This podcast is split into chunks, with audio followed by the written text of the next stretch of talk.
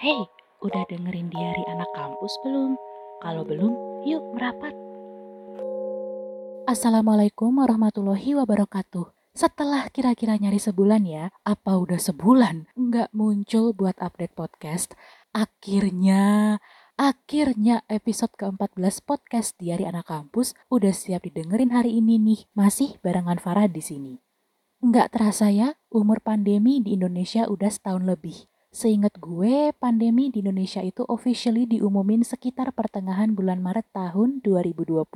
Nah, sekarang udah bulan Agustus nih. Berarti umur pandemi di sini udah setahun. Eh, udah satu setengah tahun ya?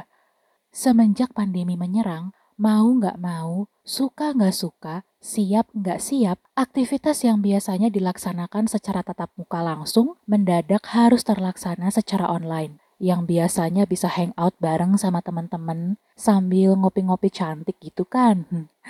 Mau nggak mau, suka nggak suka, saat pandemi ini jadi nggak bisa ngumpul-ngumpul dulu. Yang biasanya kalau masuk kelas pas kuliah suka duduk di pojokan belakang kelas sambil diam-diam makan.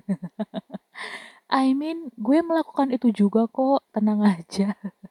Atau duduk di belakang biar bisa colong-colong waktu tidur di kelas gara-gara ngerjain tugas semalam suntuk. Mau nggak mau, suka nggak suka, kelasnya diganti jadi kelas online dulu deh. Yang biasanya bakal ketemuan langsung sama dosen pas bimbingan skripsi, mau nggak mau, suka nggak suka, buat ngobrolin soal progres skripsi dan lain-lain dengan dosen pembimbing, pada akhirnya terbatas dilakukan via WhatsApp atau barangkali email.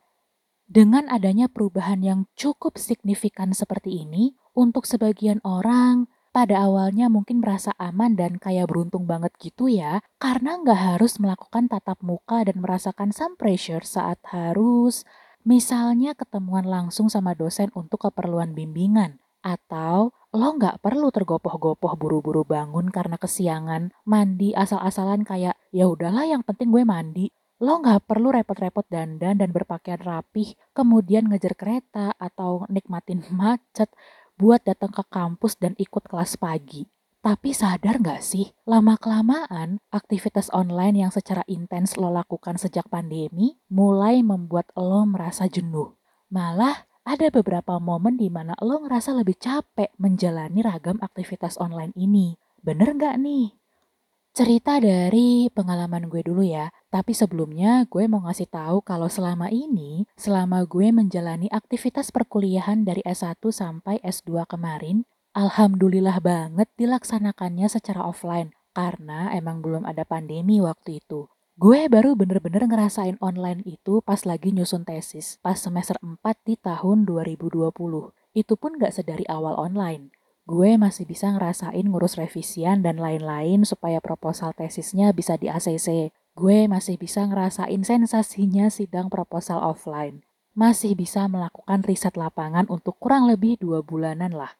Sejak bulan Maret 2020 itu tuh, semuanya jadi berubah online. Bimbingan online, setor revisian online, diskusi sama dosen pembimbing juga online, sidang tesis online juga Sampai akhirnya gue ngerasain wisuda online untuk yang pertama kalinya dalam hidup. Gimana rasanya wisuda online? Ya ampun, pastinya sedih banget karena nggak bisa ngerasain keseruan wisuda offline. I mean, gue nggak bisa foto-foto di depan gedung rektorat, ngerayain kelulusan bareng sama teman-teman di area Balairung. Bener-bener mati gaya sih, parah. Di kampus gue saat itu acara wisuda online berlangsung selama dua hari. Hari pertama untuk acara wisuda program vokasi dan sarjana, di keesokan harinya barulah acara wisuda untuk program magister, doktoral, spesialis, dan profesi. Wisuda hari kedua berlangsung di hari Sabtu pada pertengahan Oktober tahun 2020 lalu. Di hari itu, acara wisudanya via Zoom dan diadakan dalam dua sesi. Sesi pertama kalau nggak salah diadain sekitar jam 9 pagi sampai jam setengah 12 siang. Sesi pertama itu adalah acara wisuda tingkat universitas. Kemudian sesi kedua diadain di jam 12 siang sampai jam 2 siang yang merupakan acara wisuda tingkat fakultas. Lo tau rasanya? Itu bener-bener capek luar biasa. Gue udah on cam dari jam setengah 9 pagi. Sejak jam segitu, gue duduk gitu aja mantengin laptop sampai sore. Sekitar menjelang asar lah, gue baru bisa gerakin badan, ngehapus make up, ngelepas atribut wisuda, makan siang, ngobrol sama keluarga, main sama kucing gue, dan lain-lain. Setelah acara wisuda selesai, kedua mata gue berasa berat dan lelah. Kepala gue mulai dari bagian jidat depan, pelipis, sampai puncak atas kepala tuh kayak nyut-nyutan. Badan berasa rontok kayak habis lari-lari keliling lapangan. Nggak make sense kan? Kan cuman duduk doang mantengin laptop. Nggak ngapa-ngapain. Di malam harinya, jam 8 malam udah tidur, tapi tidurnya nggak nyenyak. Tidur dalam keadaan capek, kepala nyut-nyutan, badan nggak nyaman, kayak gitu loh rasanya. Nggak enak kan? Terus nih, selama dua hari ke depan berturut-turut setelah acara wisuda itu, bisa-bisanya gue ngerasa enek tiap lihat notifikasi di HP. Notifikasi apa pun, notifikasi WhatsApp, Twitter, Instagram, email, semuanya. Sebegitunya Iya, sebegitunya. Cerita lain datang dari salah satu teman gue. Suatu hari, dia cerita ke gue kalau dia selalu merasa gelisah saat waktunya kuliah online. Dia ngerasa deg-degan tiap harus nyalain kamera dan ngelihat layar laptop yang full dengan wajah banyak orang. Malamnya sering merasa sulit tidur. Makin ke sini, dia merasa kesulitan dalam mengatur waktu. Seakan-akan semua waktu dan energinya tersita habis. Padahal kegiatannya cuma di rumah aja, cuma kuliah, ngerjain tugas. Sesekali rapat dengan teman-teman di organisasi yang dia ikutin. Udah, nggak lebih dari itu. Belum lagi kalau ada tugas kelompok. Mau nggak mau, teman gue ini harus berdiskusi dengan teman kelompoknya melalui WhatsApp atau Line. Mentok-mentok ya mereka ngadain video call. Itu pun nggak efektif karena ya gimana ya? Soal tugas kelompok ya lo tau lah ya dinamikanya. ada aja alasan orang buat ngehindarin tanggung jawabnya. Mau pas zaman ada pandemi atau enggak, kayaknya sama aja sih. Dari semua ini, dia mengakui kalau efeknya dia jadi ngerasa mudah burn out dan lebih sensitif gitu. Perasaan serupa juga ternyata dialami oleh beberapa teman virtual gue di Twitter. Kalau dipikir-pikir lagi, iya juga sih. Gue pun merasakan lelah yang luar biasa setelah ngikutin wisuda online. I mean, kalau gue kan konteksnya acara wisuda ya. Gue cuman duduk diem aja gitu di depan laptop. Nggak perlu mikir apa-apa, nggak perlu deg-degan kalau dipanggil dosen, nggak perlu musingin soal tugas, tapi capeknya secapek itu gitu loh. Apalagi kalian yang harus berjuang kuliah online, bimbingan online, persiapan sidang online. Wah, perasaan lelah yang lo alami ketika harus tetap melakukan pertemuan virtual yang emang rutin diadakan, misal kuliah online atau bimbingan online, adalah hal yang wajar. Ada loh yang namanya Zoom fatigue, atau bisa juga disebut dengan virtual fatigue. Perasaan lelah yang lo alami ketika hanya bisa mengandalkan komunikasi texting dengan orang-orang sekitar, mulai dari teman, dosen, staf akademik kampus, keluarga, pacar, dan lain-lain itu juga wajar. Hal inilah yang disebut dengan WhatsApp fatigue atau bisa juga disebut dengan texting fatigue. Nah, ciri-cirinya gimana sih? Terus, kenapa hal ini bisa terjadi? Akar dari persoalan Zoom fatigue dan WhatsApp fatigue ini sebenarnya sama, yaitu you are expected to be on. Sehingga suka nggak suka, siap nggak siap, mau nggak mau, lo harus menjalani ragam pertemuan interaksi dengan mereka-mereka yang terlibat di dalamnya secara virtual dalam situasi yang intens. Intens di sini tuh gini, misal lo ngehadirin kelas online suatu mata kuliah Agendanya hari itu adalah sesi presentasi yang diadain sama suatu kelompok yang isinya adalah orang yang mungkin kurang akrab sama lo. Atau ekstrimnya, mereka-mereka yang akan presentasi di hari itu adalah orang yang lo kurang sukai dengan alasan tertentu. Kalau seandainya kelas itu diadakan secara offline, mungkin lo masih bisa lah ya ambil bangku paling belakang, terus mendistraksi diri dengan ngobrol sama teman sebelah, diam-diam makan di kelas, diam-diam baca novel kesukaan, diam-diam ngeliat gebetan mungkin, macem-macem. Tapi ketika diadain secara online, gimana ya? Ketika lo mau curi-curi ngobrol sama temen deket lo, ya paling ngobrolnya via WhatsApp, Line, modelan japri gitu kali ya. Atau bisa sih pakai Zoom juga, ada fitur chat kan ya di situ. Tapi inget, Chatnya bukan yang untuk everyone ya. yang pribadi khusus ke teman lo. Jangan sampai salah setting. lo juga nggak bisa curi-curi pandang sama gebetan lo. I mean, ya, iya kalau dia on cam. Kalau off cam, terus kalau mau diem-diem baca novel kesukaan misalnya juga susah ya. Kalau off cam mungkin masih bisa colong-colong ya. Tapi kalau dosennya minta on cam, seakan-akan gak ada hal yang bisa lo lakukan selain fokus mantengin presentasi itu. Seakan-akan lo disuruh standby terus sama gadget yang lo gunakan untuk mengakses Zoom atau Google Meet atau platform lain yang digunakan sebagai media kuliah online. Dengan kata lain, kegiatan kuliah online ini benar-benar sukses mereduksi pergerakan fisik yang biasa kita lakukan secara drastis. Belum lagi kalau kita ngomongin soal kehidupan tempat kita tinggal. Mungkin ada sebagian dari kalian yang tinggal bareng sama orang tua di rumah. Lagi fokus-fokusnya ngezoom nih, ikut kuliah online. Tahu-tahu nyokap lo manggil, minta tolong ini dan itu. Sebagian orang tua masih ada yang berpikir bahwa kegiatan kuliah online ini um, ya masih bisa colong-colong ditinggal bentar lah, dipanggil-panggil gitu. Atau bisa juga kondisi rumah yang kurang kondusif. Nggak usah jauh-jauh ke persoalan rumah tangga yang you know lah ya. Contoh sederhananya gini, bokap lo lagi WFH, meeting online gitu kan. Nyokap lo juga lagi komunikasi online sama klien. Yang kitanya nih lagi kuliah online, hari itu kita kudu presentasi saudara kandung kita juga ternyata lagi ada kegiatan online nih, sekolah online misalnya, dan semua bersuara dalam satu rumah. Ya syukur alhamdulillah nih kalau rumah lo tipikal rumah gedongan kayak punyanya Siska Kol. kalau enggak, gimana? Belum lagi kalau ngomongin soal internet misalnya ya, dan lain-lain. Oke? Dengan kata lain, memang jelas sudah home life interference pun bermain peran di sini. Selanjutnya, ada situasi di mana lo harus berkomunikasi dengan texting via WhatsApp atau Line. Misal mau diskusiin progres tugas kelompok sama teman-teman lo. Udah bagus-bagus nih ngebentuk grup chat, tapi kosong melompong udah dikasih arahan ini itu, udah dilakukan pembagian tugas, udah ditentuin teknisnya kayak tugasnya dikumpulin ke siapa, yang ngurus PPT siapa, deadline-nya kapan, gitu-gitu. Tapi tetap aja ada aja yang bikin kesel. Yang sering terjadi sih, iya-iya aja tapi realisasinya nihil. That kind of situation. Lo ngerjain bagian ini ya? Iya. Lo jangan asal kopas dari internet ya? Iya. Lo nanti ngumpulinnya di hari Minggu ya? Iya, tapi pas hari hanya pada ke mana? Ditagihin lewat grup chat, nggak nyaut.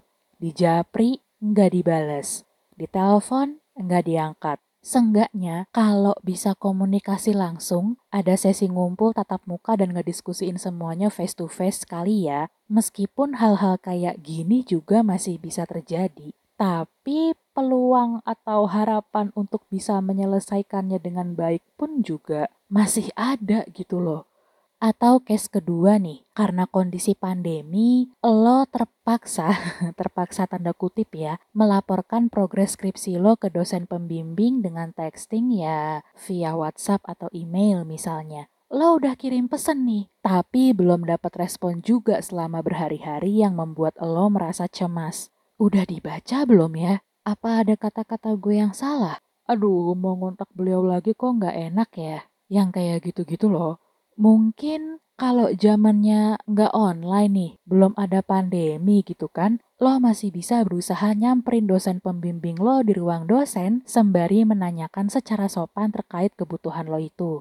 Atau bisa coba tanya dulu ke sekretariat jurusan, kira-kira dosen pembimbing lo ini bisa ditemuin atau enggak. Cari tahu gitu kan apakah beliau lagi sibuk atau enggak. Untuk kemudian mencari waktu yang pas untuk bertemu beliau dan mengabari kembali perihal progres skripsi lo.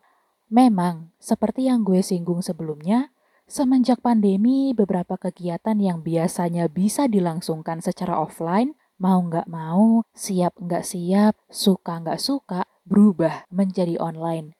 Dulu mah, mana pada kenal sih, pada intens nggak pakai Zoom, Google Meet, Skype gitu-gitu nggak? Nah, BBC mencatat di Amerika Serikat pada akhir Maret 2021 ini terdapat lonjakan pengguna WhatsApp sebanyak 40%. BBC juga mencatat dari sekian banyaknya aktivitas online yang berlangsung selama pandemi, peringkat pertama aktivitas online yang dilakukan orang dewasa di usia produktif di Amerika Serikat adalah text messaging dengan jumlah peningkatan sebanyak 43 persen. Ya, memang ya, peran teknologi di era pandemi ini terlihat cukup membantu. Tapi penggunaan screen time yang cukup intens dan berlebih untuk ragam pertemuan virtual ternyata memiliki beberapa dampak negatif loh. Jelas nih, yang pertama kita jadi rentan sakit fisik. Lo duduk mantengin laptop demi kuliah online. Seperti yang gue singgung sebelumnya soal rumah gedongan. Iya kalau lo punya kursi dan meja yang super nyaman serta ruang belajar yang bikin lo betah berjam-jam di situ. Enggak semua orang bisa menikmati hal itu loh. Enggak sedikit orang yang duduk di lantai pakai meja lipat, duduk berjam-jam dengan pose duduk sila kaki dilipat gitu atau diselonjorin sesekali. Apa nggak bikin sakit badan? Screen time yang intens itu jelas bikin kepala pusing, mata merah, mata kering, lelah, seperti yang gue alami sendiri waktu ikut wisuda online. Nggak jarang juga bikin telinga jadi sakit karena harus pakai earphone atau headset terus-terusan selama kuliah online. Kemudian dari jurnal akademik dengan judul Association Between Screen Time and Lower Psychological Well-being Among Children and Adolescents, Evidence from a Population-Based Study yang ditulis oleh Jean Twenge dan Kate Campbell yang kemudian dipublikasikan di Preventive Medicine Reports tahun 2018, Disebutkan bahwa jangka panjang dari screen time yang berlebihan bisa membuat seorang remaja rentan mengalami insomnia, mood disorder, rasa frustrasi, kecemasan, depresi, kemunculan perilaku menyakiti diri sendiri atau self-harm, hingga tindak mengakhiri hidup atau completed suicide.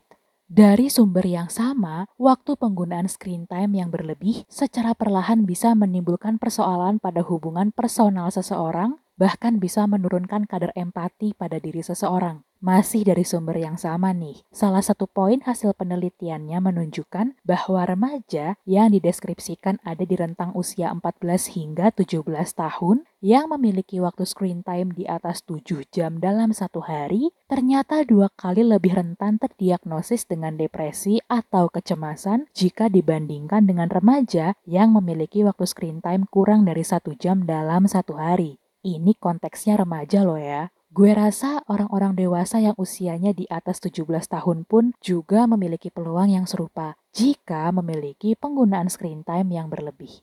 Terakhir, terakhir nih, dampak dari adanya Zoom fatigue dan WhatsApp fatigue adalah kemunculan fenomena koronasomnia. Koronasomnia itu apa sih? Nah, koronasomnia adalah gangguan tidur yang terjadi saat pandemi COVID-19. Dilansir dari situs sleepfoundation.org, banyak banget orang-orang yang tengah mengalami insomnia hebat semenjak kehadiran pandemi dan adanya ragam aktivitas virtual yang dilangsungkan secara intens akibat lockdown. Akar dari koronasomnia adalah perubahan besar-besaran pada ritme hidup dan segala aktivitas yang sudah terbiasa mereka lakukan. Kemudian, ya itu tadi, peningkatan screen time, sehingga muncul kecemasan, frustrasi, depresi, stres, dan sejenisnya.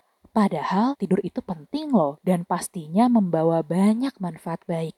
Masih menurut situs sleepfoundation.org, tidur yang baik dan berkualitas bisa meningkatkan sistem imun, memperbaiki mood, meningkatkan kesehatan mental, meningkatkan kemampuan fungsi otak, yang semuanya itu bakal berdampak baik untuk segala aspek kehidupan kita. Idealnya memang tidur yang berkualitas itu berlangsung dengan durasi 7-9 jam dengan kualitas deep sleep yang utamanya berlangsung di malam hari.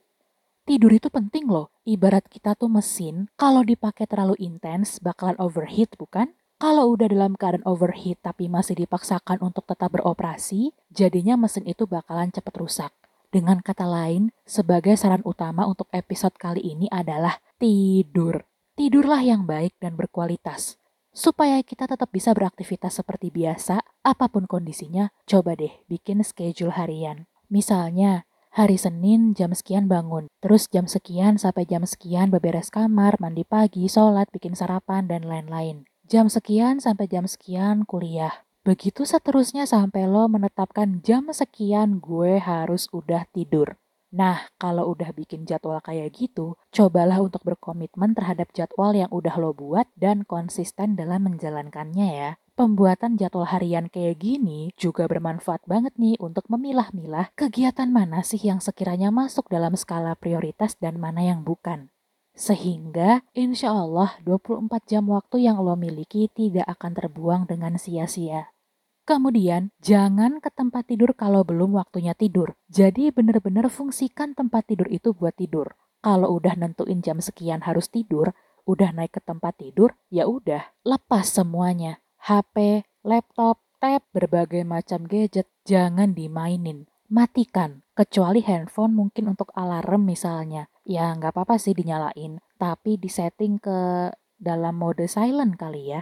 Kondisikan kamar senyaman mungkin untuk tidur. Mandi sebelum tidur juga nggak apa-apa. Kamar kudu bersih, rapih, wangi, dan jangan biarkan barang-barang lo berserakan di mana-mana. Kalau bisa, matikan lampu pas jamnya tidur. Atau bagi yang emang nggak bisa tidur gelap-gelapan, bisa beli lampu hias yang remang-remang atau beli lampu yang modern high-tech gitu kan. yang bisa disetting nyala dalam beberapa jam sebelum akhirnya mati secara otomatis. Kemudian coba lakukan olahraga. Di YouTube misalnya, banyak contoh-contoh kegiatan olahraga ringan yang bisa lo lakuin di sela-sela aktivitas lo dan nggak perlu pakai peralatan yang heboh-heboh. Jika memungkinkan, bisa juga ngelakuin meditasi, yoga, atau aktivitas sejenis supaya lebih tenang sebelum menjalani aktivitas. Terkait ini juga, of course, jangan lupa untuk mengonsumsi makanan yang sehat dan minum vitamin. Terus jangan lupa untuk minum air putih minimal 2 liter sehari. Jika memungkinkan, supaya nggak berasa intens banget pas ngezoom misalnya, supaya matanya nggak capek-capek banget mantengin laptop saat on cam gitu ya, nggak ada salahnya untuk tidak mengaktifkan full screen dan mereduksi ukuran jendela zoomnya sesuai dengan kenyamanan lo. Nggak ada salahnya juga untuk nggak on cam dan mengaktifkan audio only ketika break misal. Di waktu jeda itu, lo bisa melakukan peregangan tubuh sederhana, jalan-jalan keliling kamar, atau cuman sekedar nyamperin kucing piaraan dan ngelus-ngelus bentar sebelum akhirnya balik lagi buat ngezoom. Terkait aktivitas texting, misal di WhatsApp atau Line, nggak ada salahnya kok ketika lo memutuskan untuk tidak mengaktifkan centang biru atau membisukan notifikasi sementara, kayak di mute gitu ya. Nggak masalah, Terus ketika muncul pesan dari seseorang atau dari suatu grup, tanamkan di pikiran lo bahwa tidak semua pesan harus direspon saat itu juga. Perhatikan kondisi lo saat itu. Lagi lelahkah? Lagi laparkah? Lagi mau istirahatkah? Lagi mau ibadahkah? Kayak gitu-gitu loh. Gue selalu berusaha mikir kayak gini. Karena ketika kita merespon pesan seseorang dalam keadaan misal moodnya kurang baik, bisa jadi ada kata-kata yang membuat orang itu jadi nggak berkenan. Apalagi pesan tertulis itu kan rentan misinterpretasi ya. At least kalau ketemu langsung tuh masih bisa ngeliat ekspresi wajahnya, denger langsung intonasi suara lawan bicara, kayak gitu-gitu loh. Tapi kalau kata-kata kan susah ya.